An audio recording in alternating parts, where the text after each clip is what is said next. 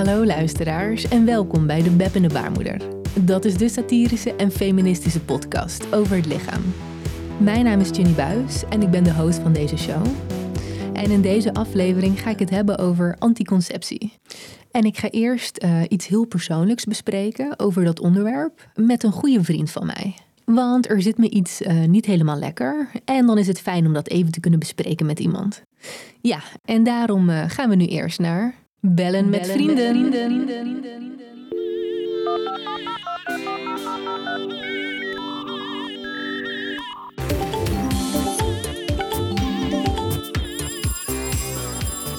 Hallo met Vlinder.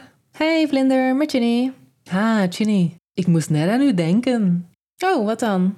Allee, ik was curieus naar uw baarmoederhalsonderzoek. Hebt je de uitslag al terug? Oh ja, ik heb de uitslag ontvangen. Alles zag er goed uit. Ik, ik heb geen HPV. Amai, dat is super om te horen. Ja, zeker. Ik, ik heb alleen wel wat anders. Oh, wat dan? Nou, ik voel me heel erg passief de laatste tijd. Het lijkt alsof ik geen zin meer heb in intimiteit. Ik voel me totaal niet meer opgewonden. Ook niet als stoom bij mij is. Soms vraag ik me af, heb ik überhaupt nog een sensueel lichaam? Amai, dat klinkt vreselijk zeg. Oh, het lijkt wel alsof uw sekschakra geblokkeerd is. Een paar jaar geleden, toen, toen had ik daar ook last van. Toen wilde ik ook niet meer poepen. Ik had gewoon geen goesting meer. Oh ja, en, en wat heb jij toen gedaan? Allee, ik had direct een uh, sessie met een shamaan geboekt. Het gaat hier wel om uh, geblokkeerde levensenergie, hè? Daarom had ik een uh, sessie geboekt met Swami Satyana Saraswati. Echt, dat was een heel goede beslissing. Zij zegt namelijk wel uh, wat er aan de hand was. Hmm, oké, okay, want uh, wat zag die uh, shamaan dan precies? Swami Satyana Saraswati, die, die zag dat de aura van mijn vulva helemaal zwart was. Gewoon pikzwart, hè, die aura. Pikzwart. En ze zag ook dat er allerlei kanalen waren dichtgeslipt. Wow, dat, dat klinkt wel apart, zeg. Ja, en Swami Satyana Saraswati die kreeg een heel krachtige ingeving wat de reden hiervoor was. Zij zag namelijk een uh, gele pilstrip liggen in een graf. Nou, toen wisten wij wel dat uh, de anticonceptiepil verantwoordelijk was voor de dood van mijn seksleven. Hmm, oké, okay. want, want hoe zag die uh, shamaan dat dan precies? Allee zeg, wij beschikken over veel meer kennis dan we denken, Ginny. Swami Satyana Saraswati, die, die gaat niet zo op in de angst van de massa. Zij is heel erg geaard. Daarom ziet zij uh, de dingen veel helderder. Hmm, oké. En, en ben je na die sessie uh, gestopt met de pil? Ja, ik was er toch al achter gekomen dat ik eigenlijk op vrouwen val. En poepen, dat deed ik nauwelijks. Dus ja, ik, uh, ik kon net zo goed stoppen met de pil. Ja, ja, klinkt logisch. En hielp het? Voelde je weer meer sensualiteit? Ja, na een paar weken had ik weer goesting. En dat niet alleen, hè. Mijn, mijn emoties en fantasieën, die, die kwamen weer tot leven. Oké, okay. nou, dat klinkt wel hoopvol, uh, Vlinder. Ik ga dan ook maar uh, eens veranderen van uh, anticonceptie. Ik zou dat zeker en vast gaan doen. Zeg, laat je me weten hoe het afloopt. Ik ben wel curieus. Ja, ik hou je op de hoogte. En bedankt voor het advies. Graag gedaan hoor. Oké, okay, doei Vlinder.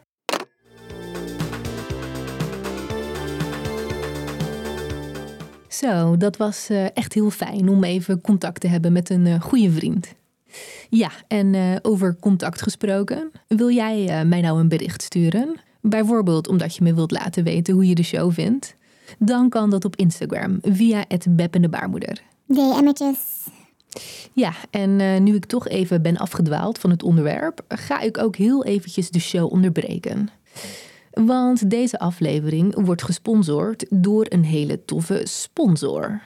Ja, hallo. Mag ik even jouw aandacht? Voor... Koker. Dat is de peniskoker voor de geëmancipeerde man. Koker lijkt totaal niet op de uitgeholde courgette die ze dragen in Papua Nieuw-Guinea. De koker is namelijk gemaakt van alpaca-wol. Dat is een hoogwaardige wolsoort die de penis en de balzak verwarmen. Dankzij deze warme koker raken de zaadcellen gedesoriënteerd en kunnen zij niet meer goed bewegen. Alpakoker is dus geen wellnessarrangement voor het scrotum, maar een nieuw voorbehoedsmiddel. Dit voorbehoedsmiddel is perfect voor mannen die een gevoel van verantwoordelijkheid kennen. Bestaat zo'n man? Dan heb ik goed nieuws voor hem. Alpakoker is namelijk duurzaam. Dat houdt in dat de medewerkers van Alpakoker enkel de wc doortrekken na het draaien van een flinke drol. Dit ter voorkoming van drinkwaterverspilling in Nederland. Verder worden de alpaca's gevoerd met gerookte zalm van de Ecoplaza. Zij eten dus niet van die witte kweekvis die kunstmatig zalmroze wordt gekleurd in een drijvende kooi. De alpaca's slikken ook iedere dag een multivitamine-complex van Holland Barrett. Dit voedingssupplement zorgt ervoor dat de alpaca's minder vatbaar zijn voor de zeer besmettelijke alpaca-griep. En dat er dus minder dieren geruimd hoeven te worden. Verder zorgt het multivitamine-complex voor een goede bloedsomloop. Hierdoor hebben de geschoren alpaca's het minder koud zonder hun vacht. Goed, ben jij nou dringend op zoek naar een nieuw voorbehoedsmiddel? Bijvoorbeeld omdat jij gelooft dat Xi Jinping jou keihard aan het naaien is met zijn COVID-condooms? Dan moet jij zeker naar de website van Alpakoker gaan voor het bestellen van de warme peniskoker. Totale leegverkoop. Ja, sorry voor die uh, commerciële onderbreking. Maar we kunnen nu weer uh, verder met de show. En dat betekent dat ik nu iets ga bespreken wat kut is. Want in het verleden zijn veel dingen gebeurd die kut zijn. En daar ga ik nu iets van ontrafelen in de, de grote, grote kutshow. En in deze aflevering heb ik het over de uitvinding van de pil. Daarvoor ga ik terug naar de jaren 50. In die tijd werd de anticonceptiepil namelijk ontwikkeld door Gregory Pincus en John Rock. Deze twee Amerikaanse wetenschappers ontdekten dat progesteron een zwangerschap kon voorkomen.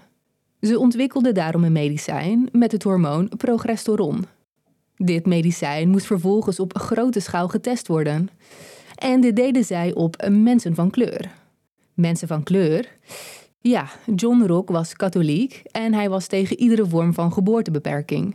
Maar volgens hem was het beperken van geboorte geen zonde wanneer het ging om mensen van kleur. Ja, voor sommige aanhangers van de katholieke kerk was seksueel misbruik ook geen zonde wanneer het ging om minderjarigen. John Rock ging dus creatief om met de regels van de kerk. Net als sommige pedofielen. Um, ik bedoel, net als sommige priesters. De anticonceptiepil werd uiteindelijk getest in Puerto Rico. Dat is een Amerikaans eiland dat arm en overbevolkt was. Daarom werden Pinkels en Rock er dus met open armen ontvangen. Of, of ja, in het geval van de pil kun je beter zeggen, met open monden.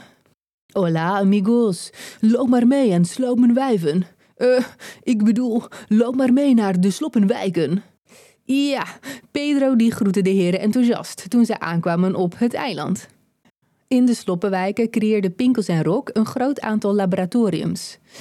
Mm, ja, het duurde dus niet lang voordat zij het eiland omdoopten tot Laboratorio Rico. Hoe ironisch. In de 15e eeuw werd het eiland gekoloniseerd door Spanje. Vanwege de vele grondstoffen noemde Columbus het eiland Rijke Poort, Puerto Rico. Vanaf de 19e eeuw werd het eiland gekoloniseerd door Amerika, dit vanwege economische belangen. En nu het eiland weer uitgebuit werd, kreeg het wederom een nieuwe naam. Tja, omdopen, dat is kennelijk typisch iets voor katholieken. De vrouwen van kleur uit de sloppenwijken testen de pil vrijwillig. Alleen ze wisten niet dat het medicijn nog in ontwikkeling was. Pinkus en Rock die probeerden wel uit te leggen dat er risico's aan zaten. Alleen hielpen de woorden El proefkonijn niet. De vrouwen die waren overigens niet alleen slecht geïnformeerd door het gebrekkige Spaans van de Amerikanen. Nee, de bijsluiter die bestond ook nog niet. Maar of een bijsluiter in dit geval had geholpen, dat is wel de vraag. De vrouwen die de pil testen, zij waren laag opgeleid. Sommige van hen konden niet eens lezen en schrijven. Mm, ja, en dan vraag ik me af, hoe maak je überhaupt een bijsluiter voor analfabeten? Je kunt dus wel stellen, woorden schieten tekort. En dan heb ik het niet alleen letterlijk over de bijsluiter. Want tijdens de testfase overleden er drie proefpersonen. Waarschijnlijk aan de bijwerkingen. Ja, wellicht lijkt een rouwtekst hierdoor niet geheel misplaatst. Maar collateral damage of niet, het experiment was een succes. Want de vrouwen, die nog leefden, raakten niet zwanger. Hierdoor verscheen de anticonceptiepil op de markt in de jaren 60 onder de naam Enovid. Enovid, dat was een medicijn met een keurmerk en een veilige dosis hormonen. En dat is net wat anders dan de pil die ze slikte in Puerto Rico. Want daar slikte de vrouw van kleur een bittere pil. En dat vindt de beppende baarmoeder kut. Kut, kut, kut. Zo, luisteraars, ik heb net iets eh, besproken over het verleden. En nu zijn wij weer terug in het heden. En daarmee zijn we ook bijna bij het einde van de show beland. Maar voordat de show eindigt, gaan we nog heel eventjes naar de afsluitende rubriek toe.